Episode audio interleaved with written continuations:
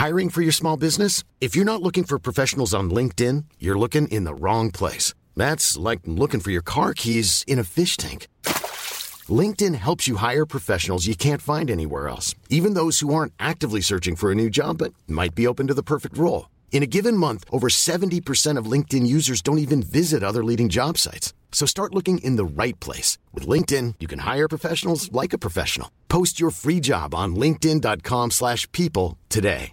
Hey, I'm Ryan Reynolds. Recently, I asked Mint Mobile's legal team if big wireless companies are allowed to raise prices due to inflation. They said yes. And then when I asked if raising prices technically violates those onerous two-year contracts, they said, what the f*** are you talking about, you insane Hollywood ass?" So to recap, we're cutting the price of Mint Unlimited from $30 a month to just $15 a month. Give it a try at mintmobile.com slash switch. $45 upfront for three months plus taxes and fees. Promo rate for new customers for limited time. Unlimited more than 40 gigabytes per month. Slows. Full terms at mintmobile.com.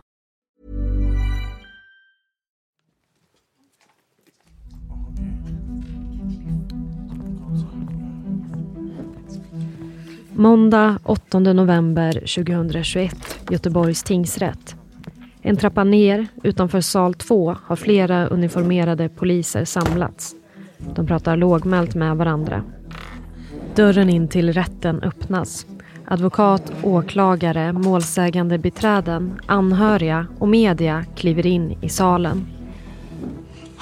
Den döde polismannens sambo gråter. De anhöriga tar varandras händer, tröstar varandra och klappar varandra på ryggen.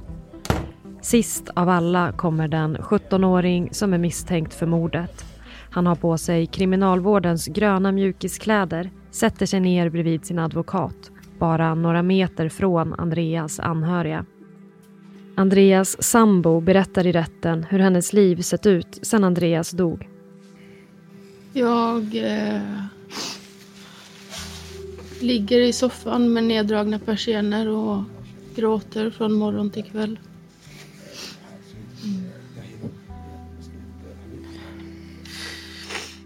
Linda Viking, åklagare, menar i sin sakframställan att gärningsmannen har uppsåtligen dödat polismannen Andreas Danman genom att med en kulsprutepistol avlossa skott mot honom.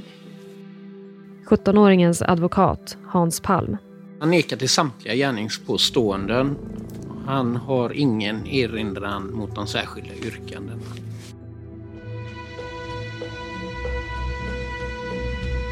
På kvällen den 30 juni skjuts polismannen Andreas Danman till döds.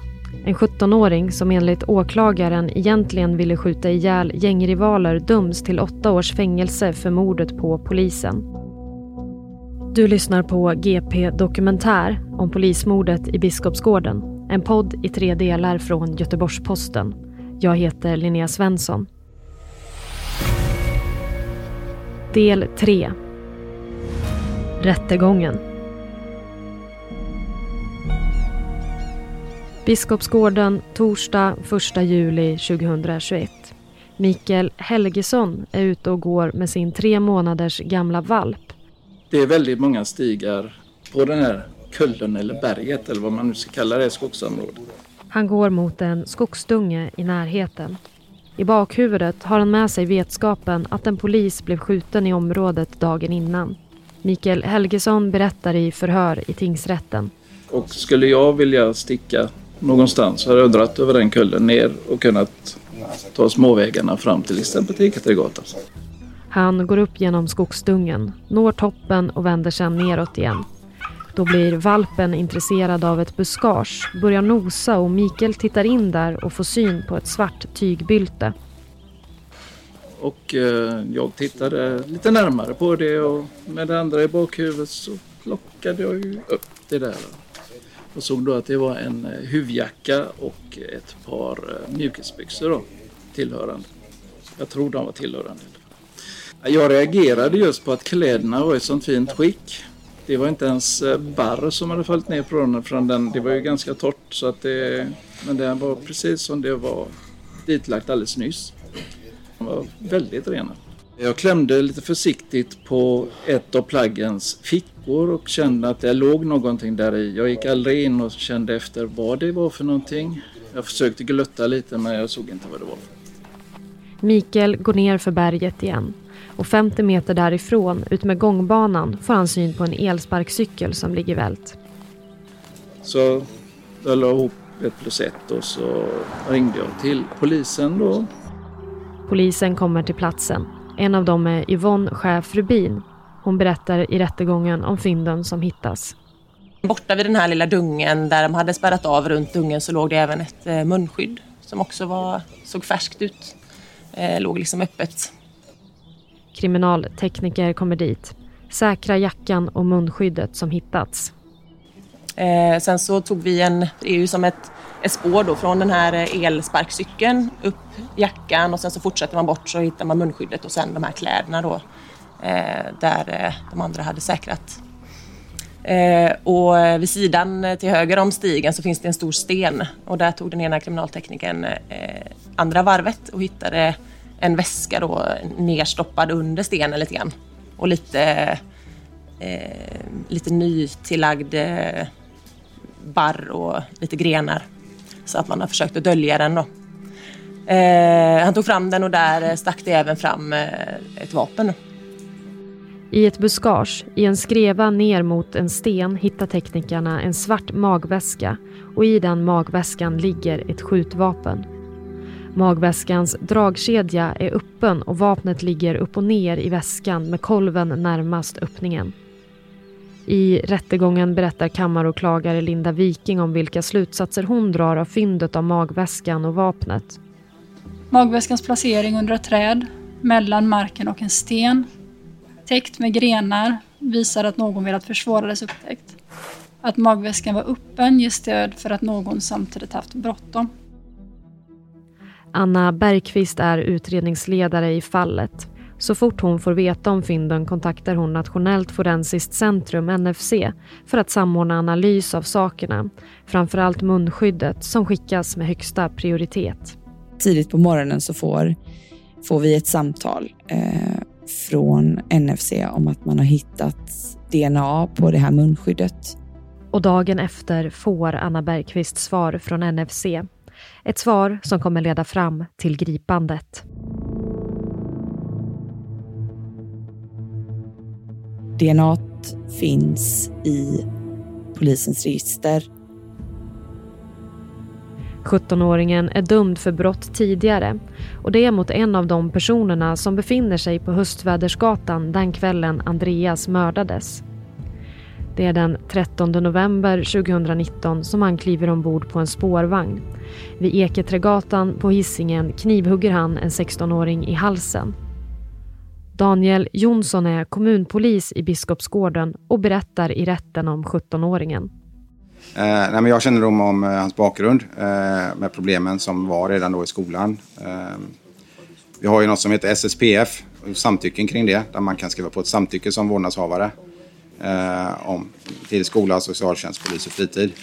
Eh, och det samtycket fanns ju för, eh, och där är jag eh, polisens del i det då. Enligt åklagaren ska 17-åringens mamma ha kontaktat socialtjänsten första gången redan när han går i sjätte klass eftersom hon är orolig för honom. Mamman får inte tillräcklig hjälp med sonen då under våren 2019. Innan dådet på spårvagnen söker 17-åringens mamma akut hjälp igen. Rätten konstaterar då att hon har agerat på ett kraftfullt sätt när hon märkt att hennes son börjat umgås i fel umgänge och uppträda på ett icke önskvärt sätt. Hon kontaktade skola, polis och socialtjänst för att få hjälp. Hon till och med bad att de skulle omhänderta hennes son.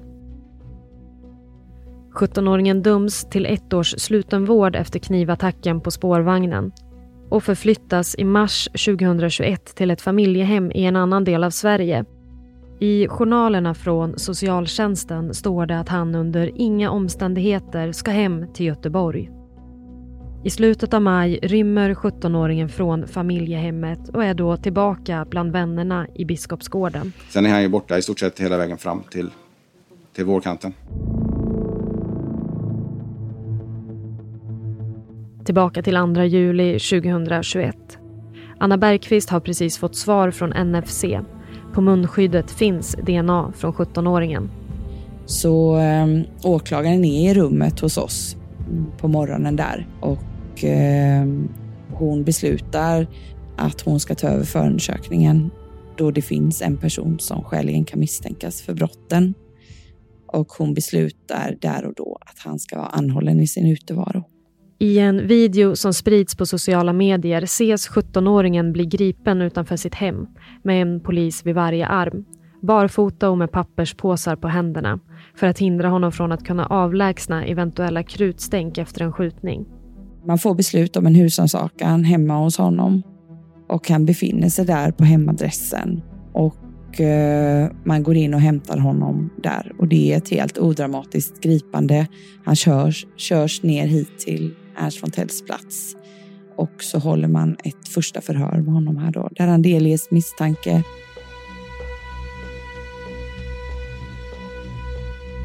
17-åringen nekar till all inblandning i mordet på Andreas Danman. I de första förhören som hålls med honom efter att han grips säger han att han varit i Frölunda hos några kompisar. Något han håller fast vid även under rättegången. Alltså jag kommer inte ihåg så bra den där dagen men jag är säker på att jag var i Frölunda med några vänner. Och eh, jag kom in, jag fick skjuts. Och gjorde lite saker innan. Jag kommer inte ihåg så bra. Som jag sagt, jag var påverkad av cannabis. Och sen jag fick skjuts hem. Det var bara det jag kommer ihåg. Men han vill inte säga namn på kompisarna i Frölunda. Och åklagaren har inte kunnat hitta kameraövervakning eller något annat som styrker hans uppgifter. När advokat Lars Salkola som företrädde den person som 17-åringen tidigare huggit i halsen och som var en av de tre killar han försökte skjuta den 30 juni frågar om han förstår att det är något som skulle kunna rädda honom från anklagelserna svarar han. Jag vill inte berätta. Nej. Och varför vill du inte berätta hur många ni har varit med? För, ska, för jag vill inte att de ska blanda mig där. Trots att det skulle kunna fria dig, det skulle ge dig ett, ett alibi. Mm. Men du tycker inte att det är värt det att eh, lägga fram de namnen? Alltså, jag är inte kompetent på den här frågan. Vad sa du? Jag vill inte blanda in fick Kammaråklagare Linda Viking har också samlat in bevis från ett stort antal kameror där hon menar att 17-åringen förekommer.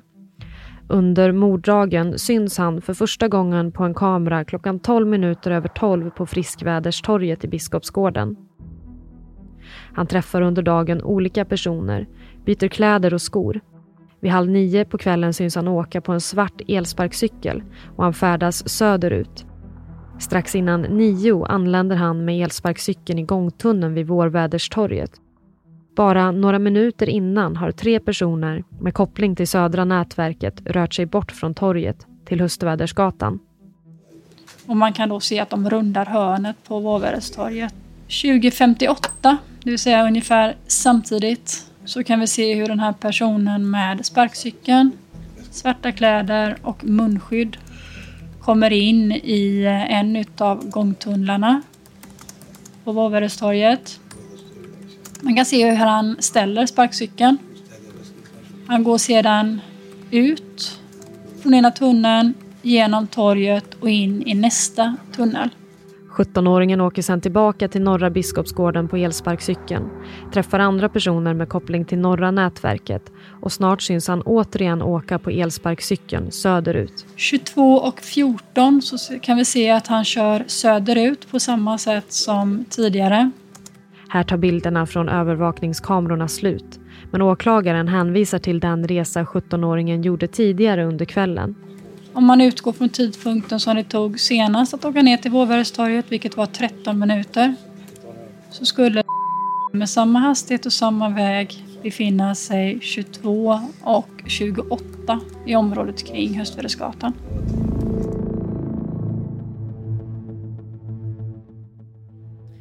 I förhör i tingsrätten berättar 17-åringens mamma med hjälp av en tolk att hon hört vad som hänt, blivit orolig och varit ute och sökt efter sin son hela kvällen. Uh, ja, jag försökte söka efter honom uh, vid fotbollsplanen, uh, där vid vattnet, uh, Svarta mossen, men det var ingen där. Och då när jag inte kunde hitta honom där så kom jag tillbaka till torget. Klockan 01.09 fångar övervakningskamerorna när mamman och sonen går över Friskväderstorget. Jag frågade honom varifrån kommer du nu? Så säger han från Frölunda. Jag öppnade porten så gick han in. Dagen efter frågar mamman sin son om han hört att en polis blev mördad kvällen innan. Eh, Hörde du att det var en polis som eh, skjutits ihjäl i vårt bostadsområde? Och då sa han till mig, mamma jag har eh, eh, redan varit i fängelse, jag har redan blivit straffad en gång. Då sa han till mig, nej jag tänker inte eh, begå brott och förstöra mitt liv. Jag vill gå framåt i livet. Jag tänker inte eh, göra något. Så du behöver inte ställa de här frågorna mig.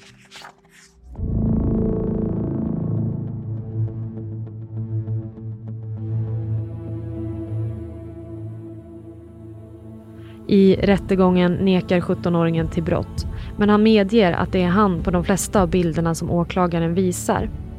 Men på frågor om hur hans DNA kan ha hamnat på kläderna och munskyddet som hittades uppe i skogen svarar han att han inte vet och att han är förvånad. När advokat Hans Palm frågar 17-åringen om socialtjänstens journaler där det framgår att det funnits en oro för att han skulle anlitas för hämnduppdrag eller annat kriminellt uppdrag berättar han att det är mamman som har sagt det och att hon har missuppfattat honom. Jag sa inte att, eh, att bara, alltså, jag blir pressad av att göra saker. Har du sagt det? Nej. Vem har sagt det då? Men, Mamma? Du var med va? Mm. Så mamma har sagt det. Har du sagt något, även om du inte sagt det till socialtjänsten, har du sagt något sådant till din mamma? Nej, jag sa inte så. Alltså, missförstod mig. Jag sa saker att flytta från det här området. Jag har inte sagt det så. Vad, vad, vad kan du beskriva vad du sa till din mamma då för att hon i sin tur ska ha missuppfattat dig på det här sättet? Vad ungefär sa du till mamma? Ungefär jag sa så här att eh, jag ville flytta från det här området. Är massa flyttare, det är inga bra vänner. Så, så han missförstod mig att jag blev pressad av killar. Pressad på vad då? Äldre människor. Att göra annat som jag sa.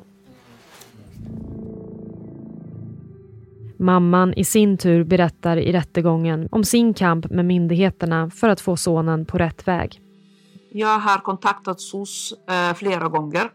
Eh, och anledningen att jag kontaktade dem var ju först så var han under deras vård. Sen så när han eh, skulle bli eh, färdig med det här året så skulle de då förbereda fosterhem åt honom. Och jag bett ju er att ta honom från det här området. Och jag bor fortfarande här. Vad vill ni att jag ska göra då med honom? Bara några dagar innan Andreas skjuts till döds pratar mamman med socialtjänsten och uttrycker rädsla för att han ska bli mördad själv eller användas för att hämnas tidigare skjutningar i området. I förhör med polisen uppger mamman att sonen sagt till henne, just när han kommit tillbaka till Göteborg, att han är modig och att de vill att han ska utföra saker för dem eftersom han är under 18 år. Mamman berättar i rättegången att hon är orolig för sin son. Eh, Jag är ju mamma och jag är orolig för min son. Jag ville inte att han eh, skulle utsätta andra för fara. Eh, Han är ju ung. Jag ville inte att han skulle få problem. Mamman säger också att hon och andra släktingar samlat ihop pengar för att 17-åringen ska kunna åka till sin farmor i Somalia. Ett sista hopp att få honom på rätt bana. Biljetten var bokad. Eh, 16 juli skulle han resa. Drygt två veckor efter mordet skulle han alltså ha suttit på ett plan till Somalia. Men istället sitter han häktad, misstänkt för mordet på polismannen Andreas Danman.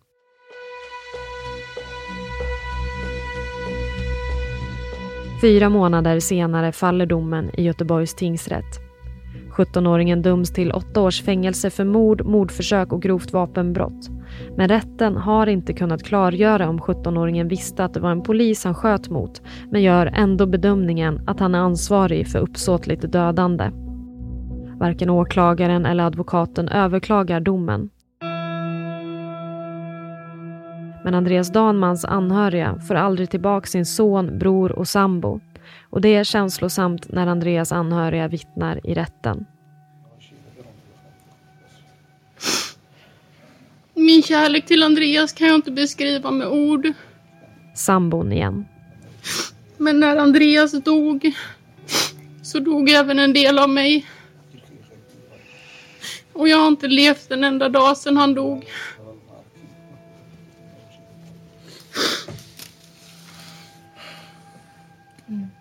Jag har varje dag sedan den 30 juni väntat på att få vakna upp ur den här mardrömmen.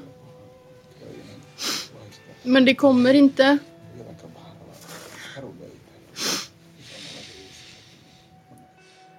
Och för poliserna som jobbar i Biskopsgården blir arbetet aldrig detsamma. Fem månader har gått sedan kollegan Andreas Danman sköts till döds och arbetet fortsätter som vanligt. Men ingenting är som förut. Mikael Folkesson som är gruppchef för den grupp som Andreas jobbade i är på plats för att stötta sina kollegor under rättegången. Det kändes ju speciellt att åka förbi själva mordplatsen tycker jag. Man hade en liten klump i magen där i början, de första passen man åkte där. Och... Han tänker fortfarande på mordet på Andreas Danman varje gång han åker förbi korsningen Höstvädersgatan, Stormvädersgatan. Vi jobbar ju där hela tiden. Eh, så sakta men säkert så, så liksom blev det istället en, en minnesplats och jag hann inte till magen och sådär. Eller en klump i magen. Men, eh, och så låg ju väldigt mycket blommor och, och så. Så att eh, det blev en fin plats. Eh, men en sorglig plats som den kommer alltid finnas med och det kommer vara svårt att glömma.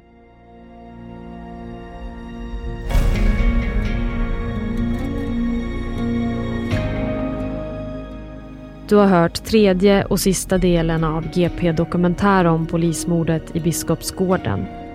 Jag heter Linnea Svensson och redaktör var Andreas Granat. Hör av dig till lyssna.gp.se om du har tankar om det du har hört eller om du har idéer på vad vi borde göra fler dokumentärer om.